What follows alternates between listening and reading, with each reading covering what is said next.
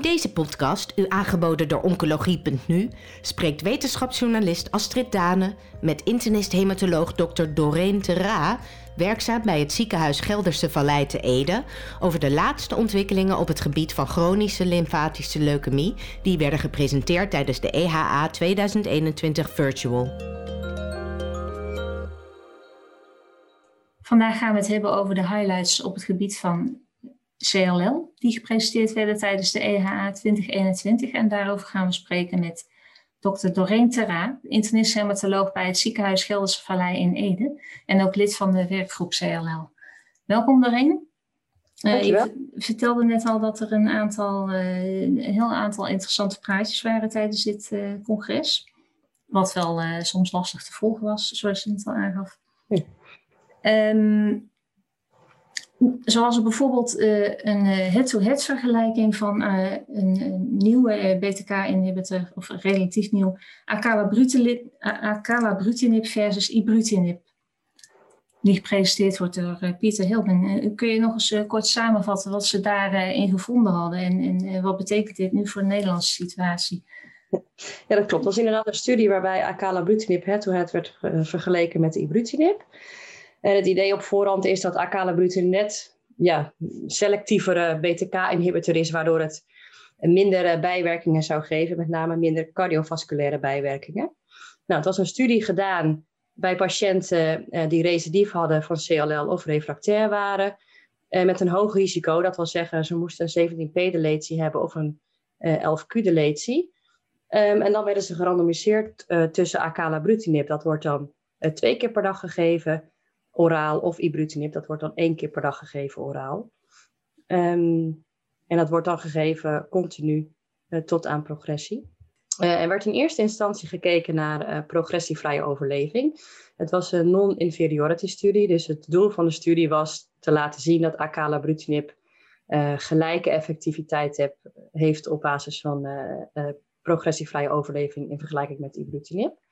En daarna werd gekeken naar secundaire eindpunten, naar toxiciteit. En er werd met name gekeken naar bijvoorbeeld atriumfibrilleren of infecties.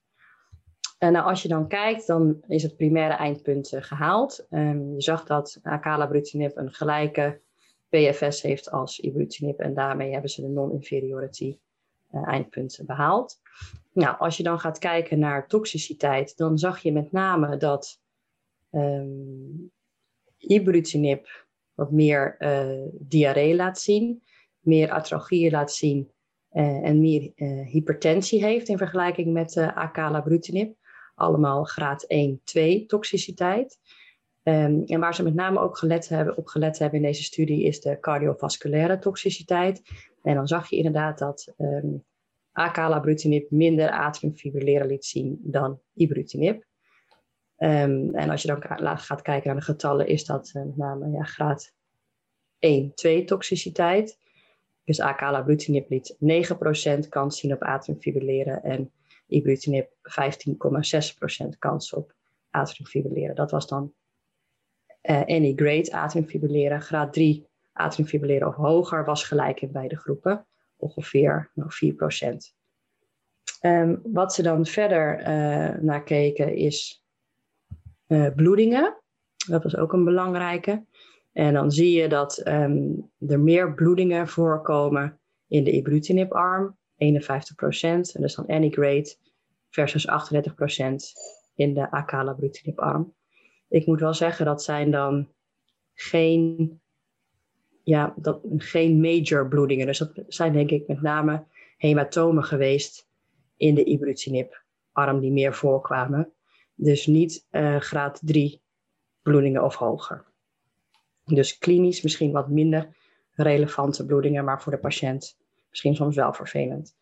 Als je dan ook kijkt naar hoe vaak medicatie gestaakt moest worden door uh, bijwerkingen, dan zie je ook dat in de acalabrutinib-arm uh, dat minder vaak voorkwam in de ibrutinib-arm. Ibrutinib-arm 22% en in de acalabrutinib-arm uh, 14,9%.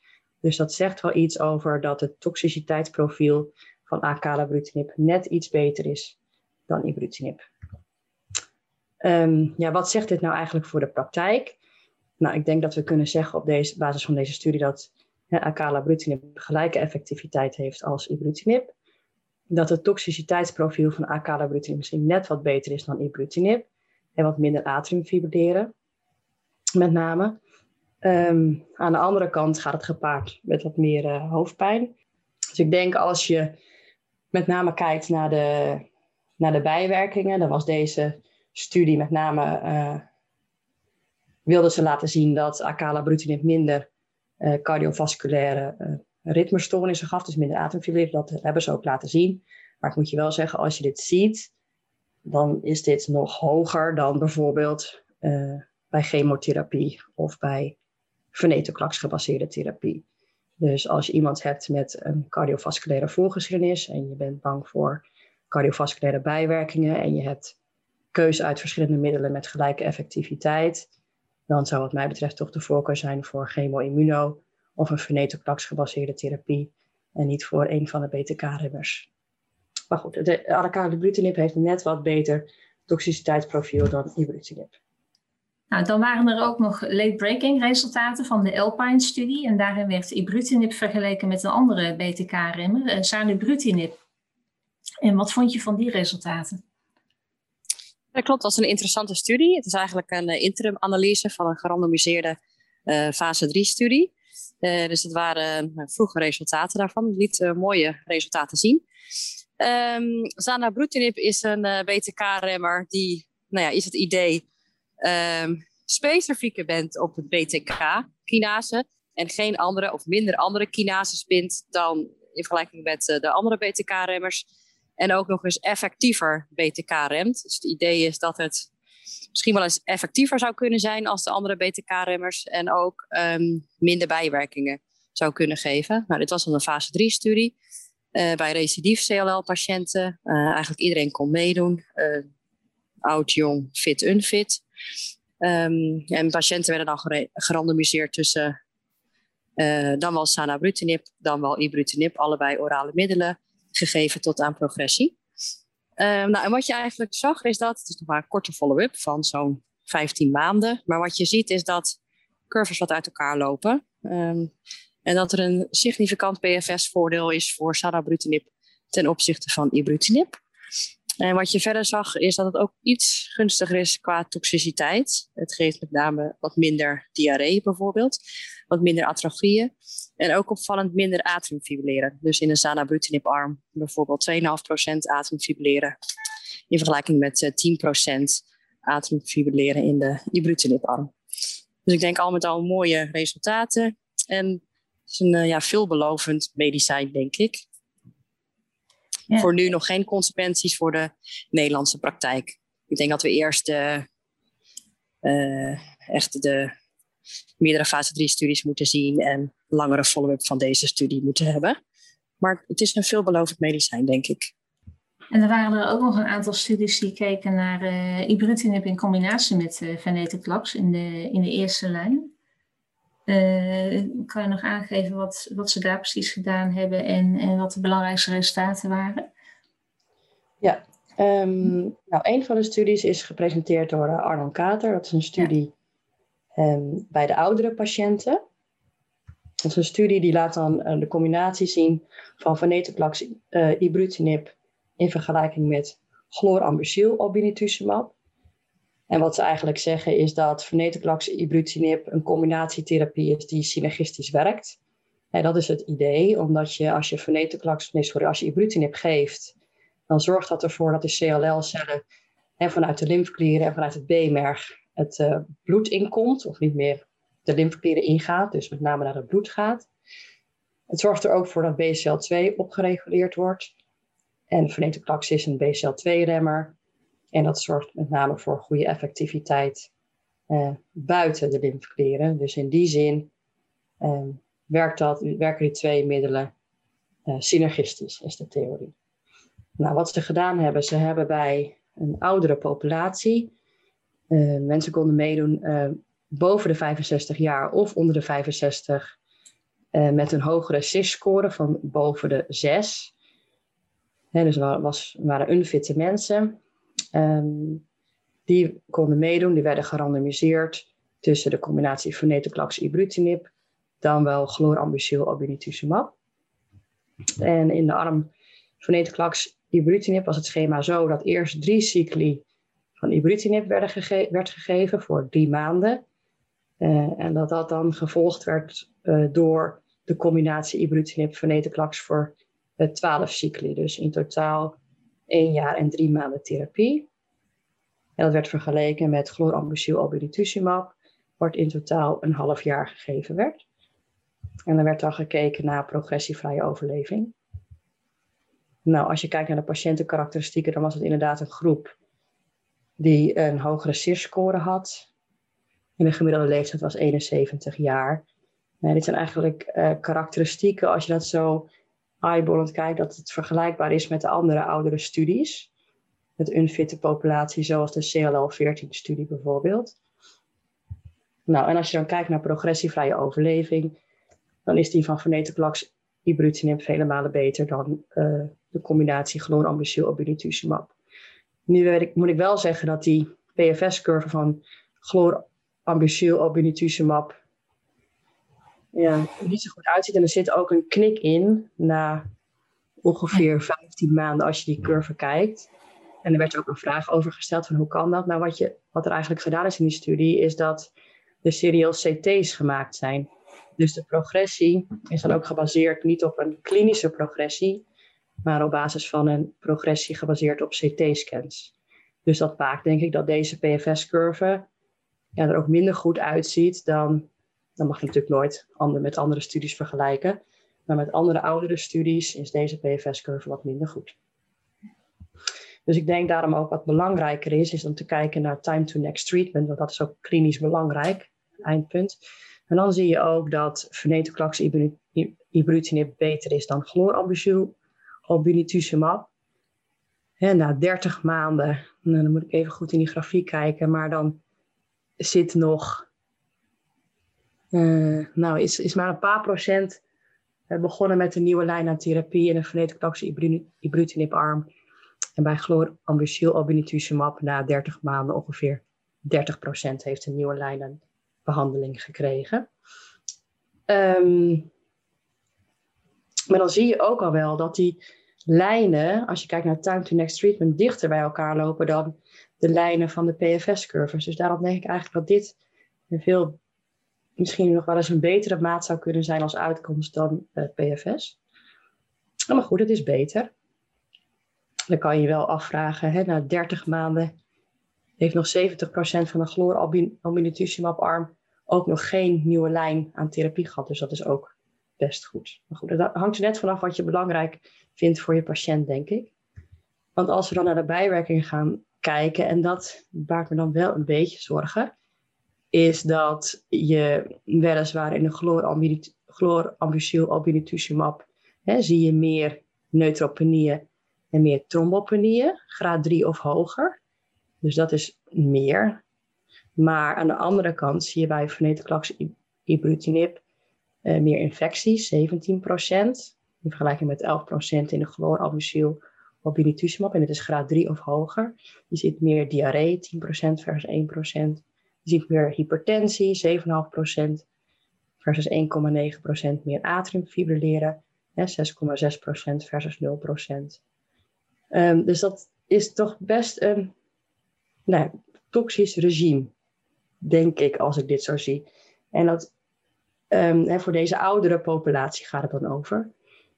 En dat zie je ook als je kijkt naar um, hoeveel mensen nou de medicatie moesten staken door het first events. En dan zie je dat dat in de venetoclax ibrutinib arm bij 10,4% van de mensen was. En met de chlorambucil obinutuzumab maar in 1,9% van de mensen.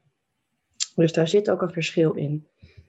En als je dan ook gaat kijken naar de patiënten die overleden zijn tijdens behandeling, dan zie je dat dat meer gebeurde in de venetoclax ibrutinib arm. Dat waren dan zeven patiënten versus twee patiënten in de chlorambucil obinutuzumab arm.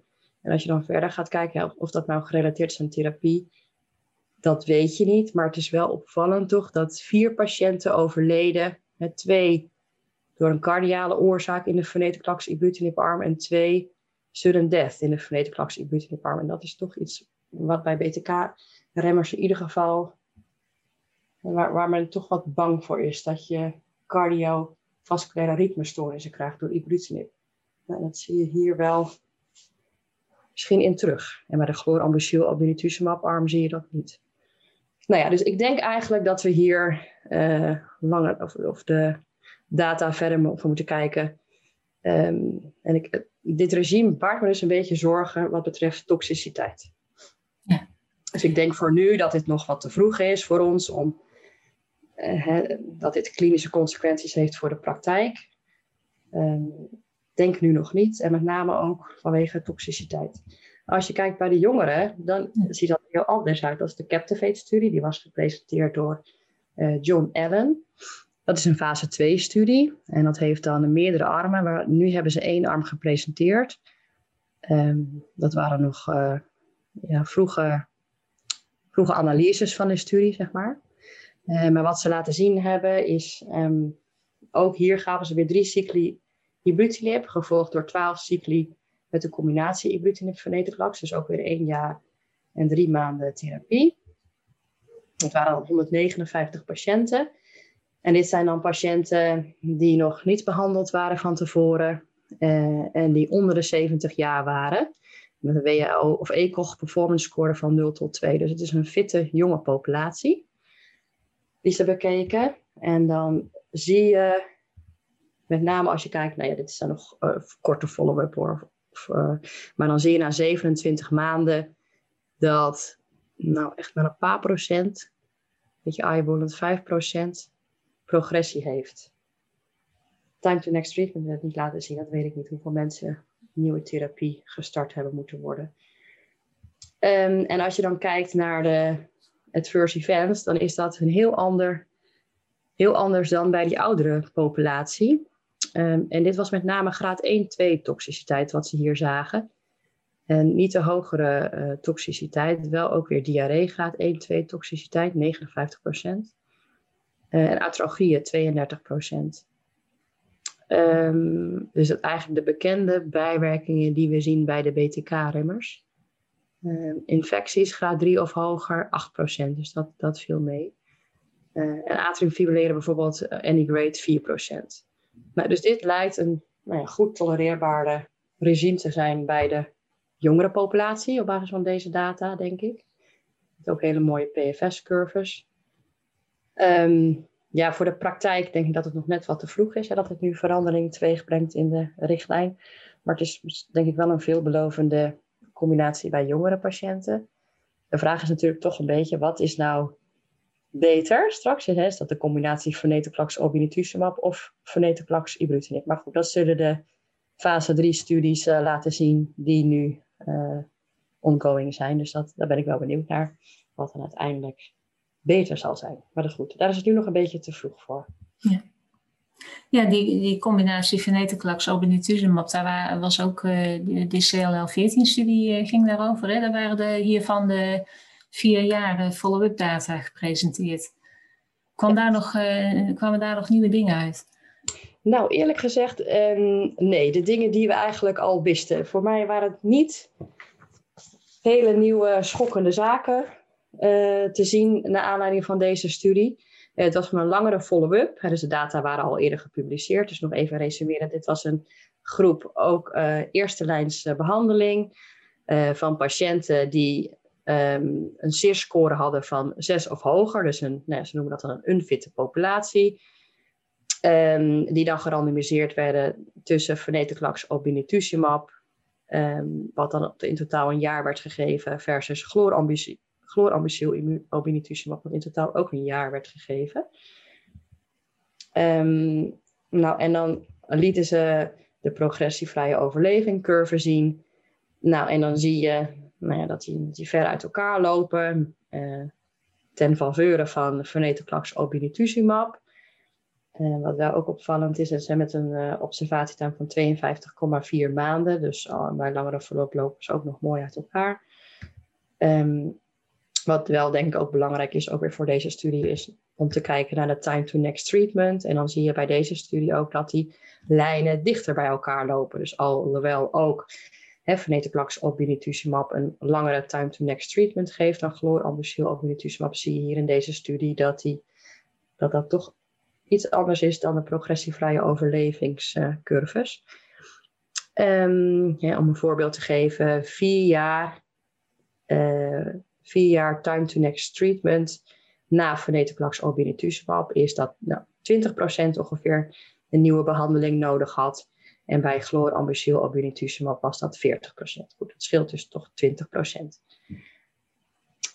Um, dan moet je dat ook wel weer hè, vergelijken met hoe lang leeft iemand op oudere leeftijd. Je kan ook zeggen met chlorambucil obinutuzumab kan je iemand in ieder geval 4,5 jaar lang mediaan zonder behandeling houden. Nou, daar zijn discussies over die wij in de CLL-richtlijn uh, commissie houden van wat is nou belangrijk voor een patiënt.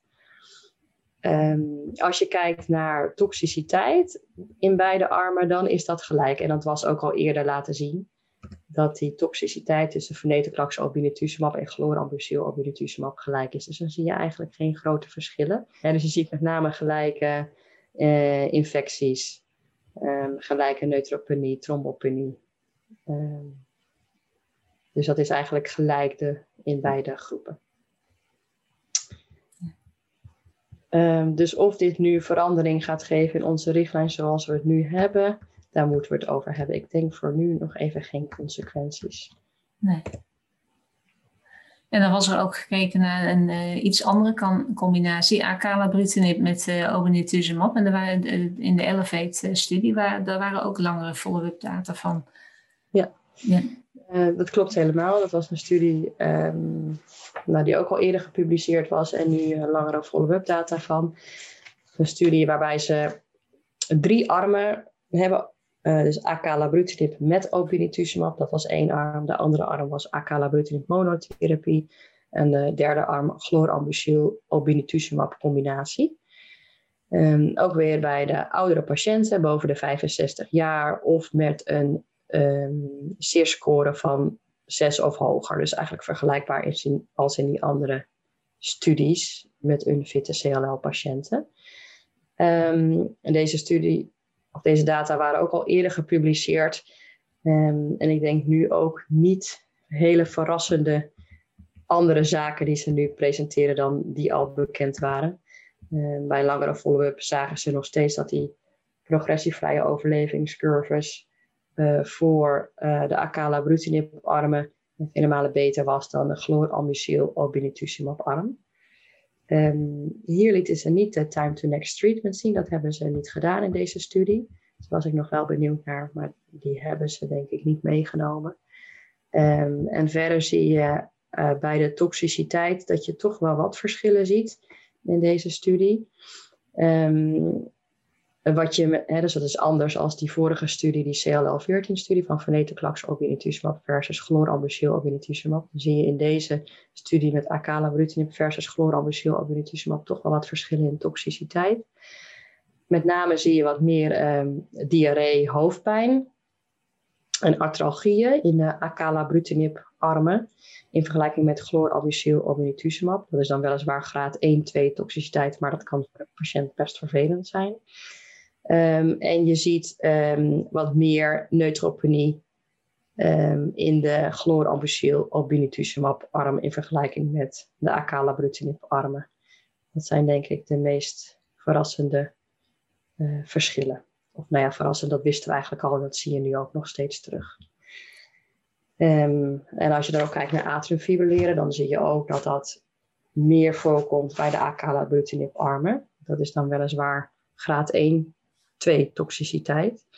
Um, maar dat komt vaker voor in de acalabrutinib arm in vergelijking met chlorambucil obinutuzumab arm. Om je dan een idee te geven, dat is dan 6% any grade in acalabrutinib arm en 0,6% in chlorambucil obinutuzumab arm. Um, en datzelfde geldt voor bloedingen. Dat zijn weliswaar niet major bloedingen. Dat zijn ook graad 1, 2 bloedingen. Maar dat komt nog vaker voor in de acalabrutinib arm ongeveer 41% in de acalabrutinib arm versus 11% in de chlorambucil obinutuzumab arm. Ja. wat me wel opviel, ook ja, qua infecties zie je ook verschillen. Dat is ook wel een belangrijke. Dus graad 3 of hoger infecties is in de acalabrutinib arm hoger. Dat is ongeveer nou ja, 16% versus 8% in de chlorambucil obinutuzumab arm. Dus zo aanvullend, ja, dan denk ik dat chlorambucil obinutuzumab toch iets beter toxiciteitsprofiel heeft dan uh, acalabrutinib. Maar goed, weliswaar ten koste van de PFS. En dat is iets wat je, wat je moet bespreken met de patiënt, denk ik. Ja, nou, dankjewel eh, Doreen voor deze mooie samenvatting. Graag gedaan. Bent u geïnteresseerd in meer podcasts? Deze zijn te vinden op de website oncologie.nu.